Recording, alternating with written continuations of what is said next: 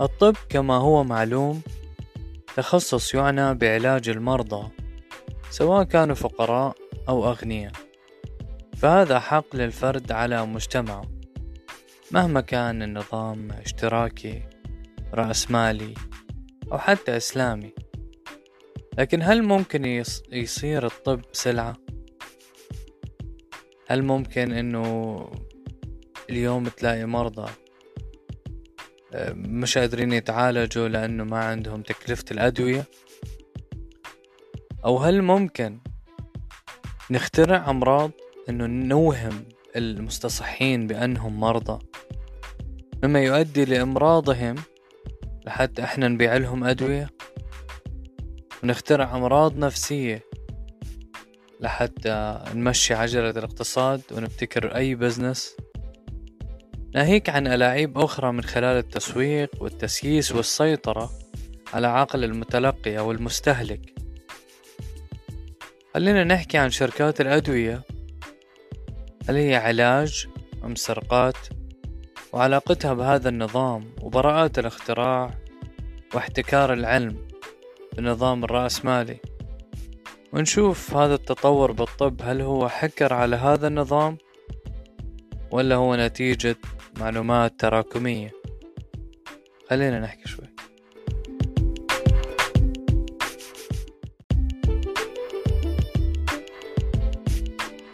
خلينا أنوه الآتي إنه أغلب المعلومات عن العلاج في الولايات المتحدة مأخوذة من وثائقيتين. الأولى نشرت في سنة 2004 والثانية في 2015 موجودة في اليوتيوب بعنوان Big Pharma والثانية بعنوان Death by Medicine. وأغلب المعلومات بهذا البودكاست من مقالة الأستاذ جميل أكبر راح أتركها تحت بال description مما لا شك فيه أن للطب الذي تطور في الغرب مساهمات بارزة في إراحة الناس. ومن أشهر الأمثلة مثلا دواء فينتولين.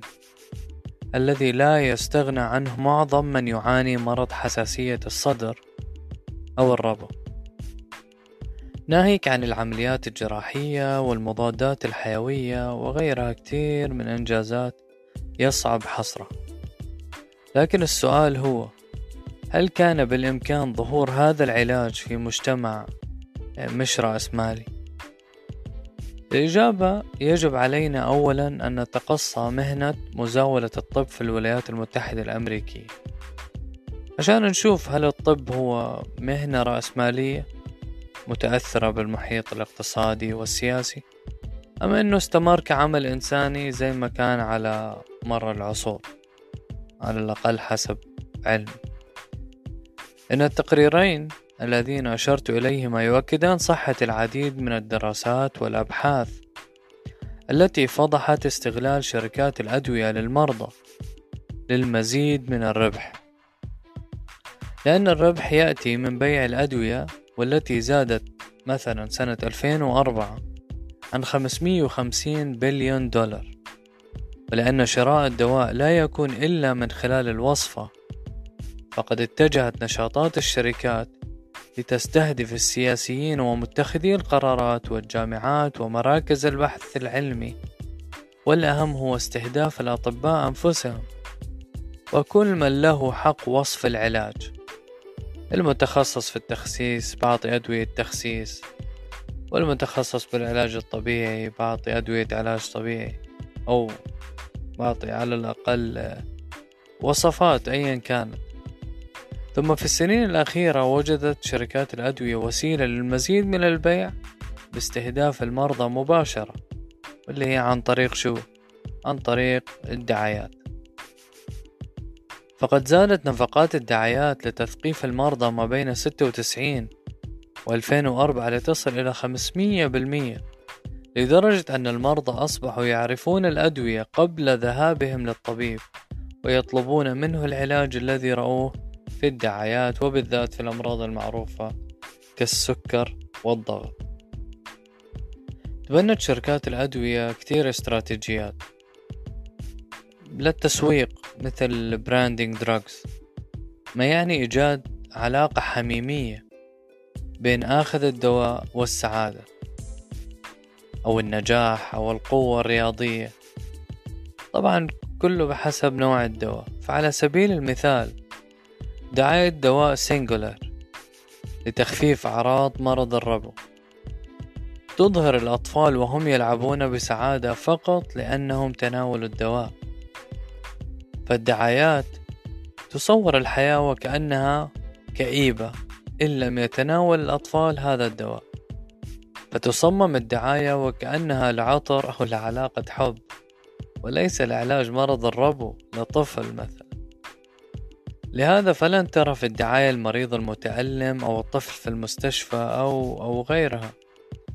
ولكن ترى الإنسان السعيد الممتلئ حيوية وقوة وسعادة بس لأنه أخذ هذا الدواء. يقول الدكتور هارفي كوكس من جامعة هارفارد بأن الحملات الدعائية التي تظهر السعادة على من يأخذون الأدوية هي كذبة كبيرة تعاد مرارا وتكرارا. وهي إحدى أهم مسببات التدهور الصحي في الولايات المتحدة الأمريكية. فهذه الأدوية وبرغم أنها من وصفات أطباء متخصصين كانت خامس مسبب للوفيات في الولايات المتحدة الأمريكية سنة 2004 ففي كل سنة يموت حوالي 100 ألف شخص بالإضافة إلى 1.5 مليون إنسان يدخلون المستشفيات بسبب مضاعفات الأدوية المقنعة بالدعايات أو اللي اقتنعوا فيها الناس عن طريق الدعايات. وهناك إحصائيات ظهرت في سنة 2015 يعني بعد 11 سنة الإحصائية الأولى.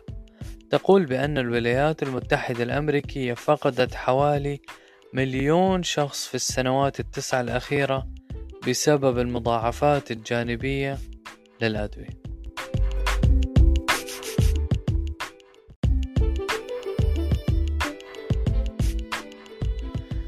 خلينا ناخذ مثال دواء اسمه Vioxx Vioxx مهدئ لآلام المفاصل وبعد الكثير من الدعايات ارتفع استهلاكه لعشرين مليون مستخدم مع أنه أغلب الناس ما بيحتاجوه كعلاج. وقد ظهرت أكثر من 160 ألف حالة إصابة بالسكتة القلبية بسبب هذا الدواء. يعني مو بس العالم خايفة من كوفيد. أو ال vaccine. في كثير أدوية إلها مضاعفات. خليها على الله. المهم لإقناع الناس بأخذ أدوية محددة في استراتيجية أخرى اسمها ال disease mongering وذلك لدفع الناس لاستهلاك الأدوية. خير مثال لهذا الاستراتيجية هو تغيير معايير المرض من مستوى لآخر. مثلا تخفيض الرقم اللي بحدد مستوى الكوليسترول المقبول في الدم لكي لا يكون الإنسان مريض. يعني بغير مثلا الكوليسترول لازم يكون مثلا عشرة عشان أنت تكون طبيعي. هو ممكن يغير مثلا يقول لك تمانية مثلا. المهم اكتشفوا إنه إنه ستة من الخبراء المتخصصين اللي حطوا معايير مستويات الكوليسترول كانت لهم علاقات مع شركات أدوية من خلال دعم أبحاثهم أو دعمهم ماديا لظهورهم للحديث عن منتج ما فقد رفع هؤلاء مستوى الرقم المطلوب ليكون الفرد سليما إلى مستويات أعلى من الكوليسترول ما يعني أن الملايين من الناس أصبحوا في إطار المعيار الجديد مرضى وعليهم تناول الدواء المعروف بستاتين دراجز وهم أصلا ليسوا كذلك. خلينا نروح لظاهرة ثالثة بما إنه الموضوع طلع أصلا من إطار إنه الطب آه، بعده إنساني. من استراتيجيات دخول شركات الأدوية في تحوير ظاهرة طبيعية ما على أنها مرض. يعني بتكون ظاهرة طبيعية أيا كانت آه، آه، الصحوة بكير الصحوة متأخر النوم بكير النوم متأخر النسيان على أنها مرض. بيعملوا ظاهرة طبيعية على أنها مرض بالإعلانات المستمرة بذريعة توعية الناس. فعلى سبيل المثال فقد أعلنت الشركات أن النسيان إشكالية وبالتالي على الناس العلاج منها بينما هي ظاهرة طبيعية. يعني طبيعي أنه الواحد ينسى. أنا ما بعرف لأي مدى هو طبيعي. لكن شركات الأدوية استغلت حتى النسيان اللي يعتبر ظاهرة طبيعية النسيان العادي بسبب ضغوط العمل بسبب التعب بسبب أيا كان. فمثلا شركة أعلنت على أنه الأرق بسبب تذكر مواعيد أعمال بكرة. يعني أنت تكون الآن لأنه في عندك مواعيد بكرة. هو إشكالية ويمكن علاجها بدواء لونيستا. الفعال لينام الإنسان مطمئن. وبهذا فقد أوهمت الشركات الأفراد الأصحاء أنهم مرضى ليأخذوا الدواء والذي بالطبع له مضاعفات جانبية. يعني إذا قارنا مضاعفاته الجانبية في الفعل اللي أنت مثلا عندك أرق أو عندك أو الآن أو أيا كذا. لا أنا بفضل أكون عندي أرق لفترة معينة. أفضل ما يكون عندي أعراض جانبية وآخذ دواء ما له داعي. المهم هكذا تبلورت بالخبرة لدى الشركات استراتيجية البحث عن ظواهر سلبية في المجتمع لتصفها الشركات على أنها أمراض لتعالجها بأدوية معروفة ولكن في حلة جديدة لدواء قديم. يعني بغيروا العلبة. وهذا الدواء بحل مشاكلكم وبنزلوا نفس الدواء.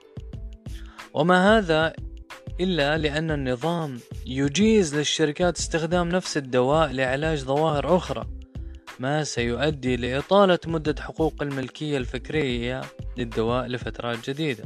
وهنا بنفوت على حقوق الملكية الفكرية. ومثال لذلك ظاهرة الإحباط Major Depressive Disorder والتي عولجت بأدوية مثل زولوف فهذه أدوية أدوية وصفت كعلاج لما قالوا عنه بأنه ظواهر حالات الإرهاق أو القهر Obsessive Compulsive Disorder فقد قامت شركة باكسل بالتسويق لوهم سمته الشركة بالاضطراب بسبب القلق الجماعي.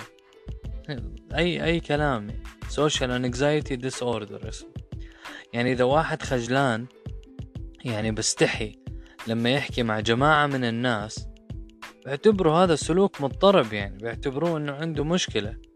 عنده مشكلة إنه يتكلم قدام حفلات الزواج حفلات التخرج في اجتماعات. بيعتبروه اسمه social anxiety disorder. ومطلوب منه شركة Paxil بتقترح عليه إنه تاخد هذا الدواء. لدرجة إنه مدير الشركة شركة Paxil اسمه باري براند بحكي إن حلم إن حلم كل مسوق هو العثور على سوق غير معروف أو غير محدد ومن ثم تطويره. وهذا ما تمكنا من القيام به مع ظاهرة اضطرابات القلق الاجتماعي. هكذا نشرت الدعايات التي تظهر الناس الخجولين وكأنهم مرضى. ونقدا ل... ونقدا لهذا اللي بحكي عليه مدير شركة باكسر يقول الدكتور لاري بأن تحويل طبيعة البشر العفوية كالخجل إلى ظاهرة مرضية فتح بابا للربح من العلاج. يعني بطل شيء إنساني. صار شيء تربح. ليش؟ لأن أصلا إحنا في نموذج غير إنساني. أصلا إحنا في نظام بس هدفه هو الربح هو النظام الرأسمالي ومع انتشار تعاطي هذه الأدوية وبالذات بين الصغار سنا ظهرت مأساة مأساة إقدامهم على الانتحار. ففي سنة 2015 كان عدد المتعاطين للأدوية المضادة للاكتئاب أنتي ديبريسن قد وصلت إلى مليون طفل بسبب وصفات الأطباء للأدوية التي تضاعفت ثلاث مرات مقارنة بالعقد السابق.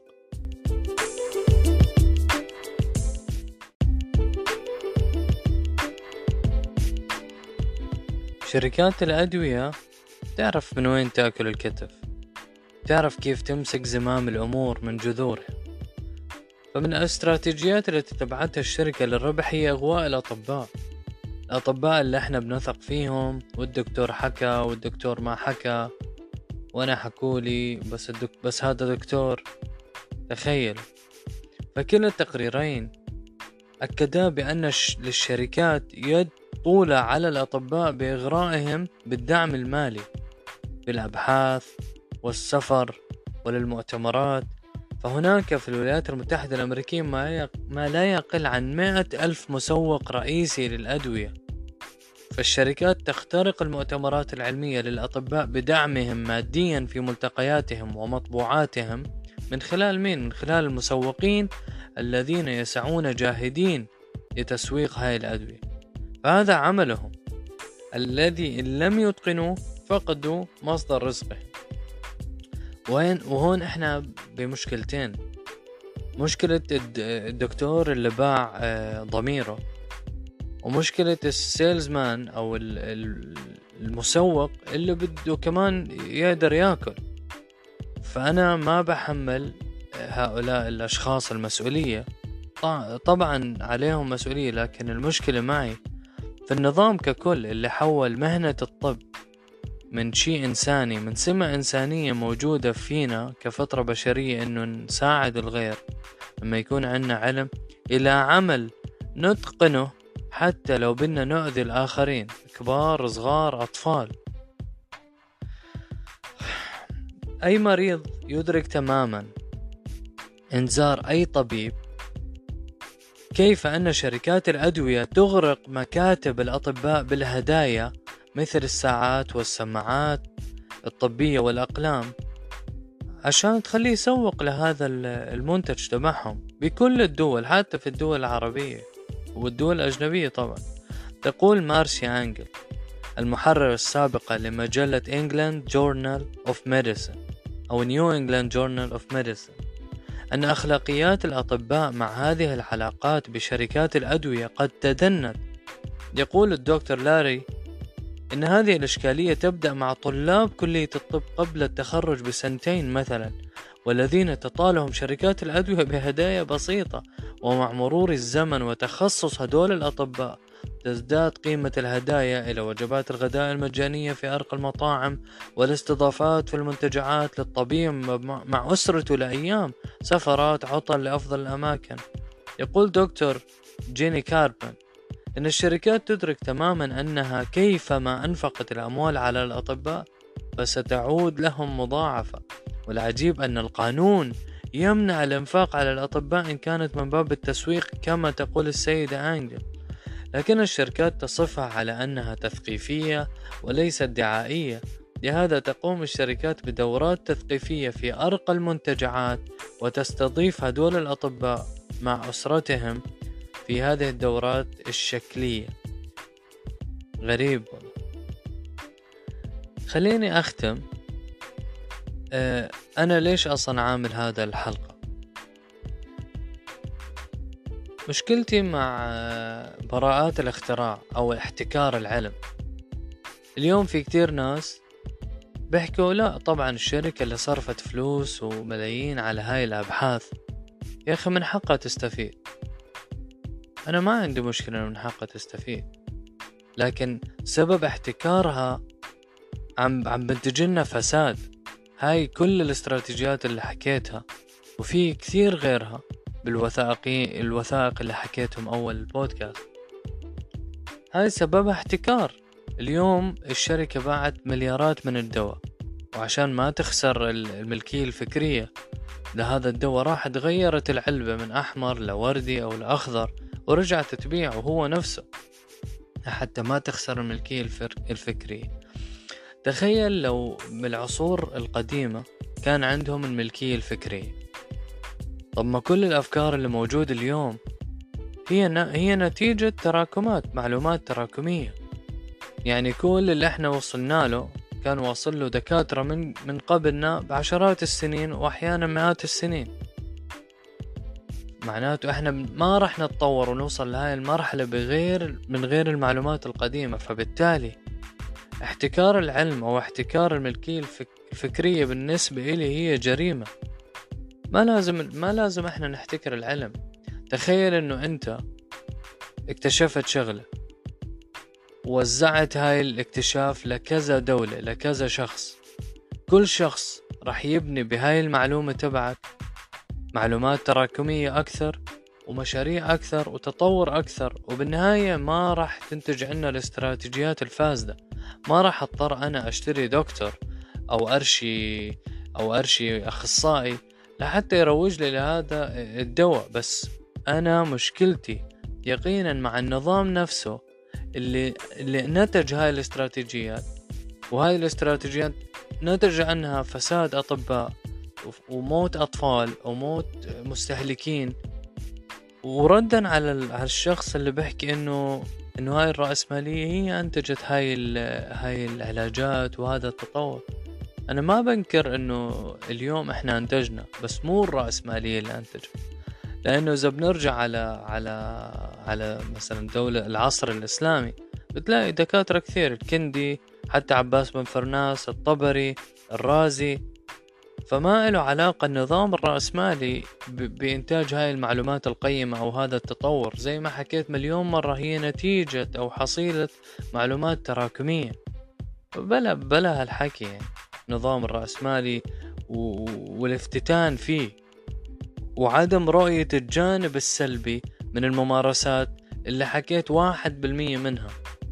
يطول الحديث ممكن نعمل بودكاست تاني عن هذا الموضوع لكن راح أختم بحديث النبي صلى الله عليه وسلم عن فضل نشر العلم. من سئل عن علم فكتمه. ألجمه الله بلجام من نار يوم القيامة. سلام.